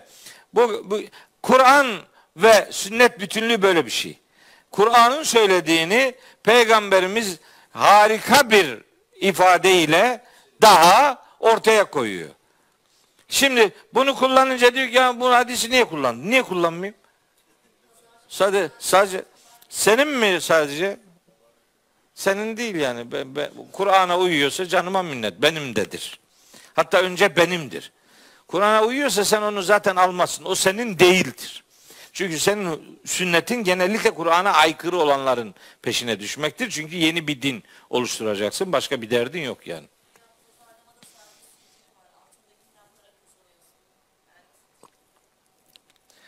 Ha, o, o, o sıkıntılı. O bu, bu ayetin ikinci kısmına girer.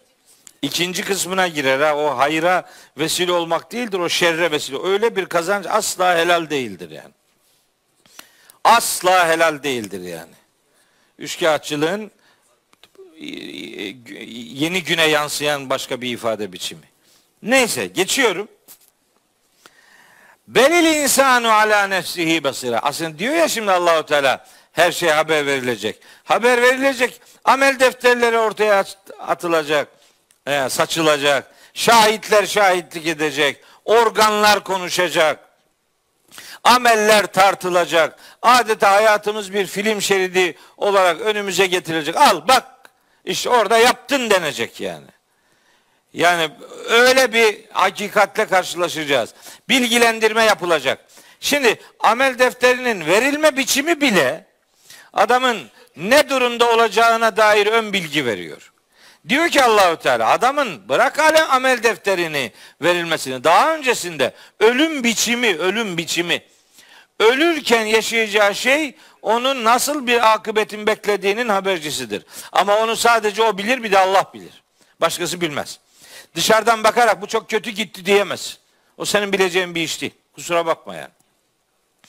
Ve nahnu akrabu ileyhi minkum velakin la tubsirun. Ölmek üzere olana biz yakınız siz görmezsiniz diyor. Allah görmezsiniz diyor. O bilgi veriyor. Öyle gitti, böyle gitti, şöyle gitti. Ne biliyorsun? Peygamberimize diyor ki Allahu Teala, bir görseydin kafirleri öldüren meleklerin onların yüzlerine, arkalarına nasıl darbeler indiriyorlar. Enfal suresi 50. ayetle Muhammed suresinde geçiyor. Fe keyfe izâ teveffethumul melâiketu yadribûne vucûhehum ve edbârahum. E, görseydi demek görmedin demek. O da bilmiyor yani. Peygamberimiz bilmiyor, beyin biliyor ya. Adam çetelesini tutuyor. Korkunç ya. Ne cesur bunlar ya. Ya bu kadar mı Kur'ansız bir din algısı olabilir ya? Bu kadar mı Kur'an'a mesafelisiniz ya? La bir defa aç okusana şunu ya bir kere. Bir kere okusa bunlardan kurtulacak. Okumuyor ama. Okumuyor. Telkin veriyor ya telkin. Telkin. Ya Hala var. Tabi bizim oralarda var. Geçiyor adam. Anlatıyor. Ya emetallah üzkürül ahdelleti hareçte minet dünya anlatıyor işte. Hatırla şöyle bir adamdın. İşte İzâ ca'el melekâni yes'elâne an rabbik. Biraz sonra iki melek gelecek sana Rabbin kimdir diye soracak. Fekul Rabbi Allahu. De ki Rabbim Allah'tır, dinim İslam'dır ve ne imam. Ya Allah Allah. Bir de Arapça okuyorum. Aa, Türkçe bir adam Arapça bilmiyor. Ya adam Arapça bilmiyor. Madem yardım ediyorsun Türkçe söyle. Bilmiyor Arapça bilmiyor. Bir kısmı da zaten yanlış okuyor. iyi ki de bilmiyor. Yanlış yani darma duman ediyor. Hocam anlamaya dedi bana bir tanesi bir gün. Dedim ki yanlış okuyorsun. Mühim değil hocam anlamaya zaten dedi. Niye okuyorsun o zaman dedim. Madem anlamaya ee, okuma o zaman niye okuyorsun? Kopya veriyor. Bak ben size bir şey söyleyeyim. Buradan söylüyorum. Kim kaç kişi nasıl anlarsa anlasın. Söylüyorum. Ben üniversitede hocayım. Ben mesela diyelim ki aldım bir öğrenciyi sözlü imtihanı. Yanına da bir tane daha aldım. Orada bekliyor. Sıra ona gelecek. Ben şimdi diyelim ki o öğrenciye soru sordum. Soru sorduğum öğrenci cevap veremedi. Yanındaki ona yardım etti. Kopya verdi mesela. Ben ne yaparım? Ben ne yaparım bir hoca olarak? İkisini de dışarı atarım. İkisine de sıfır veririm. Disipline verir cezalandırırım. İkisini de. Ama diyelim ki sıfır vermiyoruz. Diyelim ki dışarı da atmıyoruz. O bilgiyi puanlayacağız diyelim ki. O bilgiye bir değer vereceğiz. Kime yazarız o bilgi, o puanı? Verene değil mi? O biliyor, öbürü bilmiyor ki.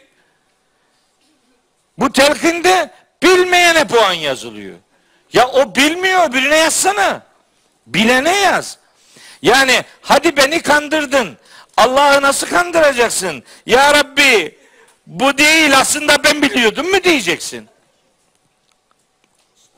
Ya ayıp bir şey ya. Siz bak ben size bir şey söyleyeyim. Şuradan söylüyorum. Eğer mezarlığın başında biri öbürüne telkin veriyor ve bunu dinin bir parçasıymış gibi sunuyor ve kabul ediyorsa böyle yaşayan bir neslin çocuklarına okulda kopya çekmek yasaktır asla kabul ettiremezsiniz. Mezarda kopya veren bir zihniyetin okulda kopyayı yasaklaması adil ve doğru bir şey değildir. Buna kimse inanmaz. Böyle şey olur mu ya? Al Allah'ın kitabından oku işte böyle diyor sana. Niye okumuyorsun gözünü seveyim? Kimi kandırmaya gayret ediyorsun arkadaş? Bilgiler biri öbürüne orada yargılamada yardım edemeyecek. Herkesin yaptığı kendisinin önüne getirilecek. Ve vudu'al kitabu. Kitap açılacak. Feteral mücrimine müşfikine mimma fihi. Suçluların o kitapta yazılanlardan dolayı korktuğunu göreceksin. Ve yekulune diyecekler ki ya veyletena ah eyvah yazık bize. Mali hadel kitabi la yugadiru sagireten ve la kebireten illa ahsaha. Bu ne biçim bir kitap ki küçük dememiş, büyük dememiş, hepsini sayıp dökmüş. Ve vecedu ma amilu hadira. Onlar dünyada yapıp ettiklerini karşılarında hazır bulacaklar. Ve la yazlimu rabbuke ahada. Rabbin kimseye zulmetmeyecektir. Yaptığın, senin yaptığın orada. Zilzal suresini okumuyor musun? Gözünü seveyim. Fe, femen ya'mel miskale zerretin hayran yarahu ve men ya'mel miskale zerretin şerren yarahu. Kim zerre miktarı hayır yaparsa onu görecek. Kim zerre miktarı şer yaparsa onu görecek. Ya amene Resulü okumuyor musun? Leha ma kesebet ve aleyha mektesebet. Yaptığın iyilikler herkesin kendi lehinedir. Yapılan kötülükler de herkesin kendi aleyhinedir. Kendinle alakalı bu. Orada avukat yok. Orada birini öbürünü savunacak bir mekanizma yok. Gruplar halinde yargılanıp da soru gruba sorulacak. Cevap gruptan birinden verilince grup olduğu gibi kurtulacak. Öyle bir şey yok. Yargılama teker teker yapılacak. Herkese amel defteri tek başına verilecek. Herkesin terazisi tek başına kurulacak. Ne olur ya? Aldatılmasın insanlar birbirini ya. Hadi aldatan ondan nemalanıyor. Aldanana ne olur? Niye aldanıyorsun? Aldanma kardeşim. Aldanıyor o da.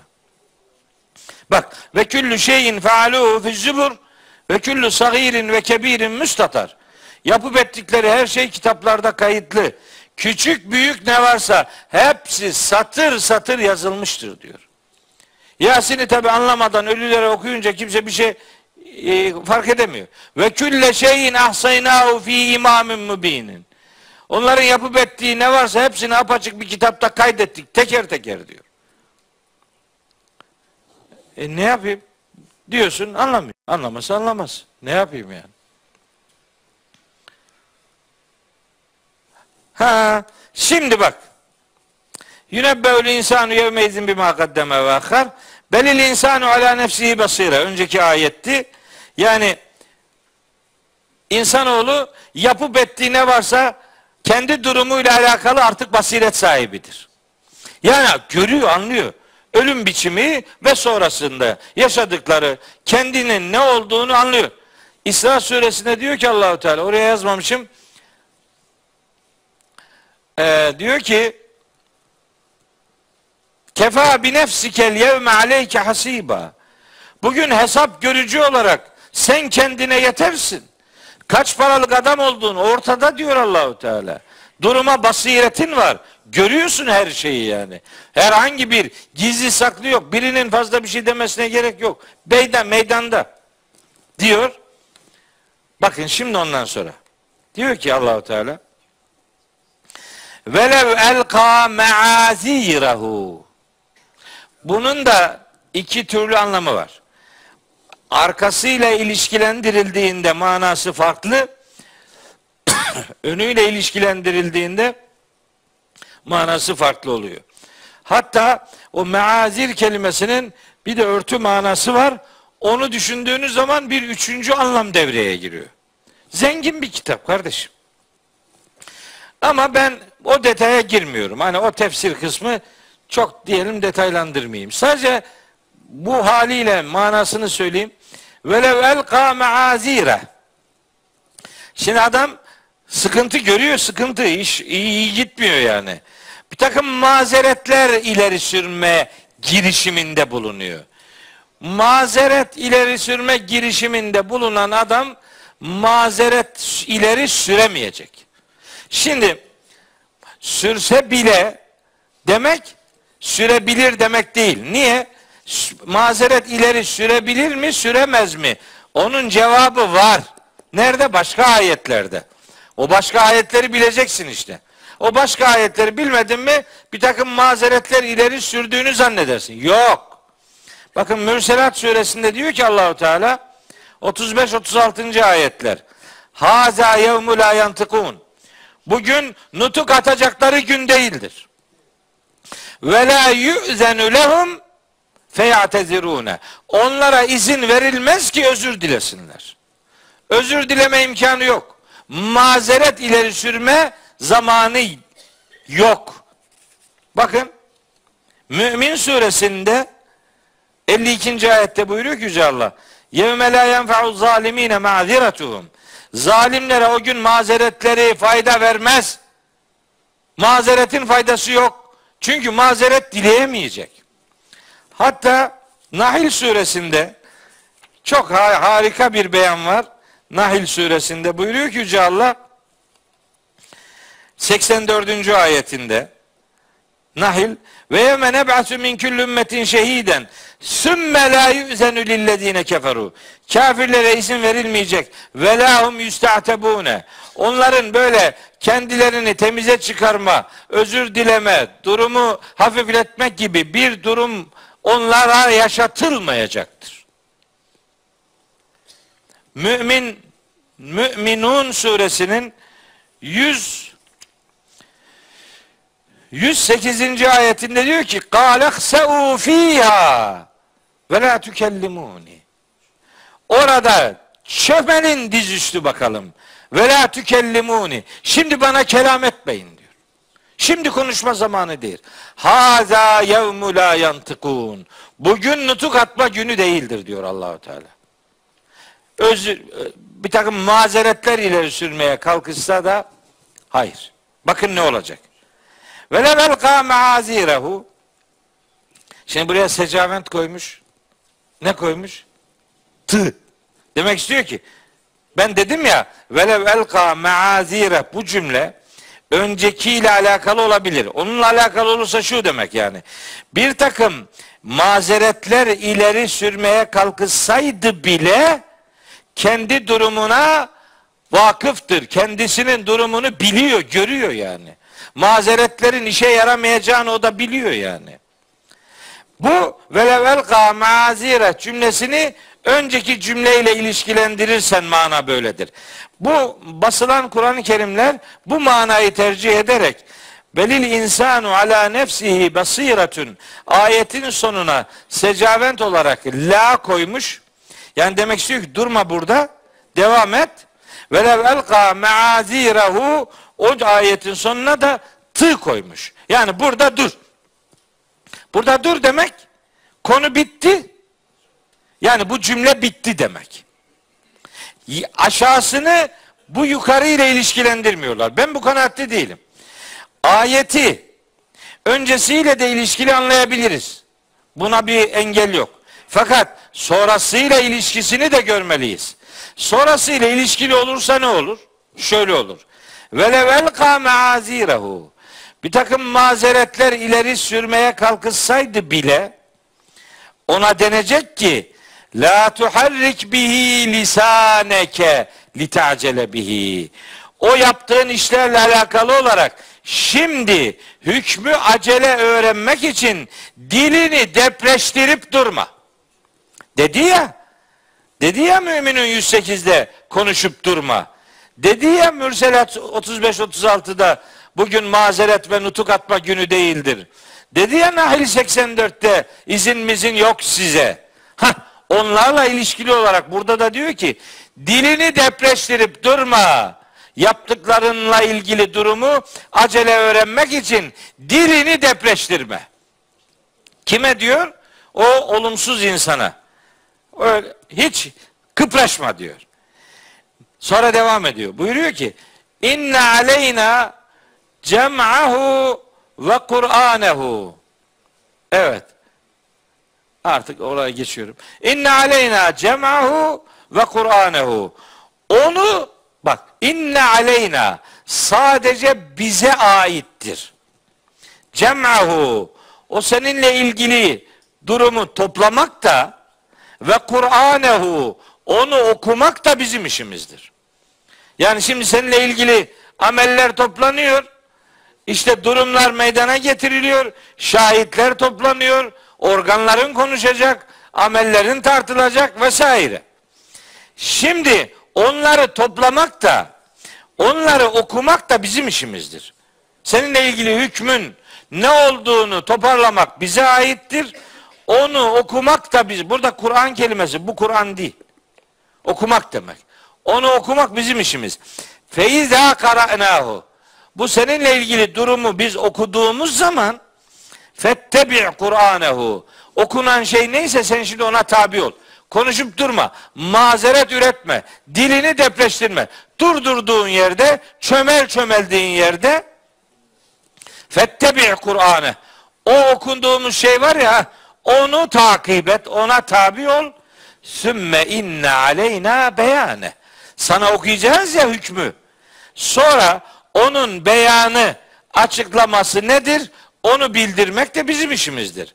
Yani hükümler, yargılama yapılır, bilgilendirme yapılır, sorgulama yapılır, yargılama yapılır, değerlendirme bize aittir demek istiyor Allahu Teala. Bunların şimdi sonunda ne var? Onu biz söyleyeceğiz. Yani kararı biz vereceğiz sana. Bunu ayet bu. Böyle söylüyor. Başından beri konu aynı. Bir de bir sonraki derste 20. ayette söyleyeceğim. Kella. Hayır, bütün bütün bunlara rağmen bel hala esasında siz tuhibbunel acilet. Hala bu dünyayı seviyorsunuz ve tezerûlel ahire ahireti terk ediyorsunuz. Bu gerçekler burada dururken hala tavrınız, tercihiniz dünyadan yanadır. Ahireti erteliyor ve öteliyorsunuz. Şimdi bu ayetleri okudum. 16, 17, 18 ve 19. ayetleri okudum. Bu ayetleri açıp evdeki meallerden veya tefsirlerden rica ediyorum gidip bir okuyun. Şimdi bunu anladınız mı burayı? Burada anlaşılmayacak bir şey var mı? Bir ıskaladığımız bir şey var mı? Zamirleri bulduk, yerli yerine getirdik. Devrik cümleler belli. Efendim secaventler aslında sıkıntılı. O secaventler yanlış konuldu. O tığ hep çok yanlış yere konulmuş. Her neyse ama Allah'tan ki ayin koymadı. Ya ayin koysaydı yapmıştık. Ayin ne demek? Bütün konu bitti. Ayin koymadı çok şükür. Tığ ile geçiştirdi. Hatalı bu. Bunu insanlar koydu. Allah'ın Allah koymadı bu secaventleri. Bunları secavendi diye bir alim var o koydu. Kendi anladığı öyleymiş. Çok isabetli secaventler olduğu gibi hatalı olanlar da var. Bu da hatalılardan biri. Hiçbir şey koyma bari.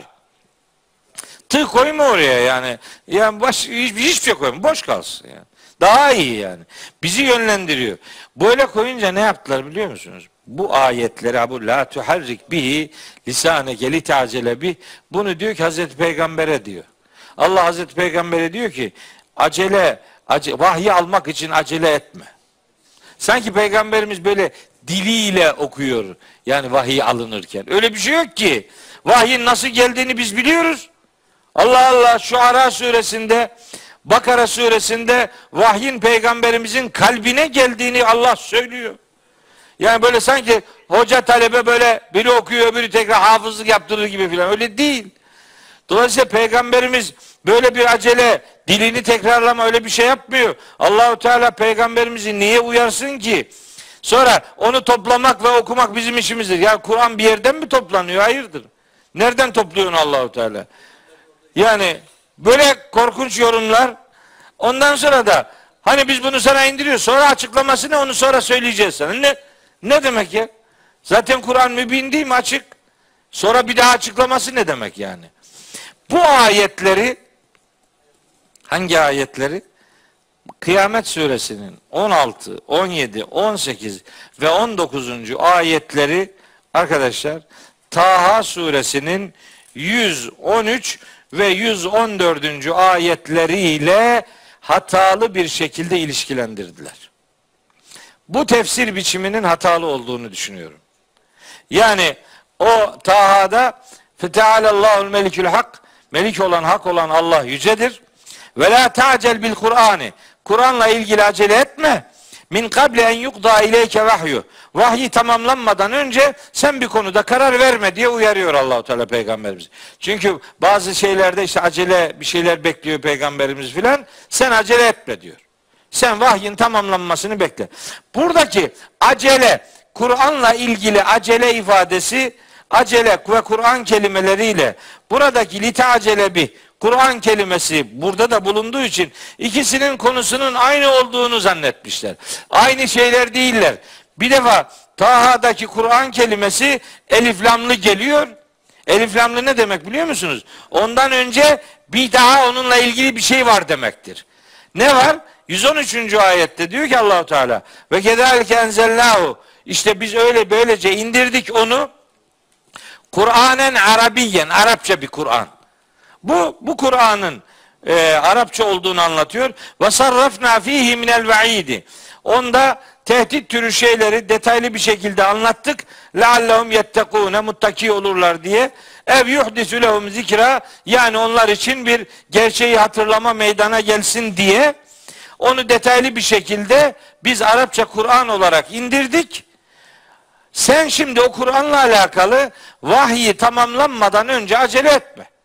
Çünkü bu 23 yılda tamamlanacak.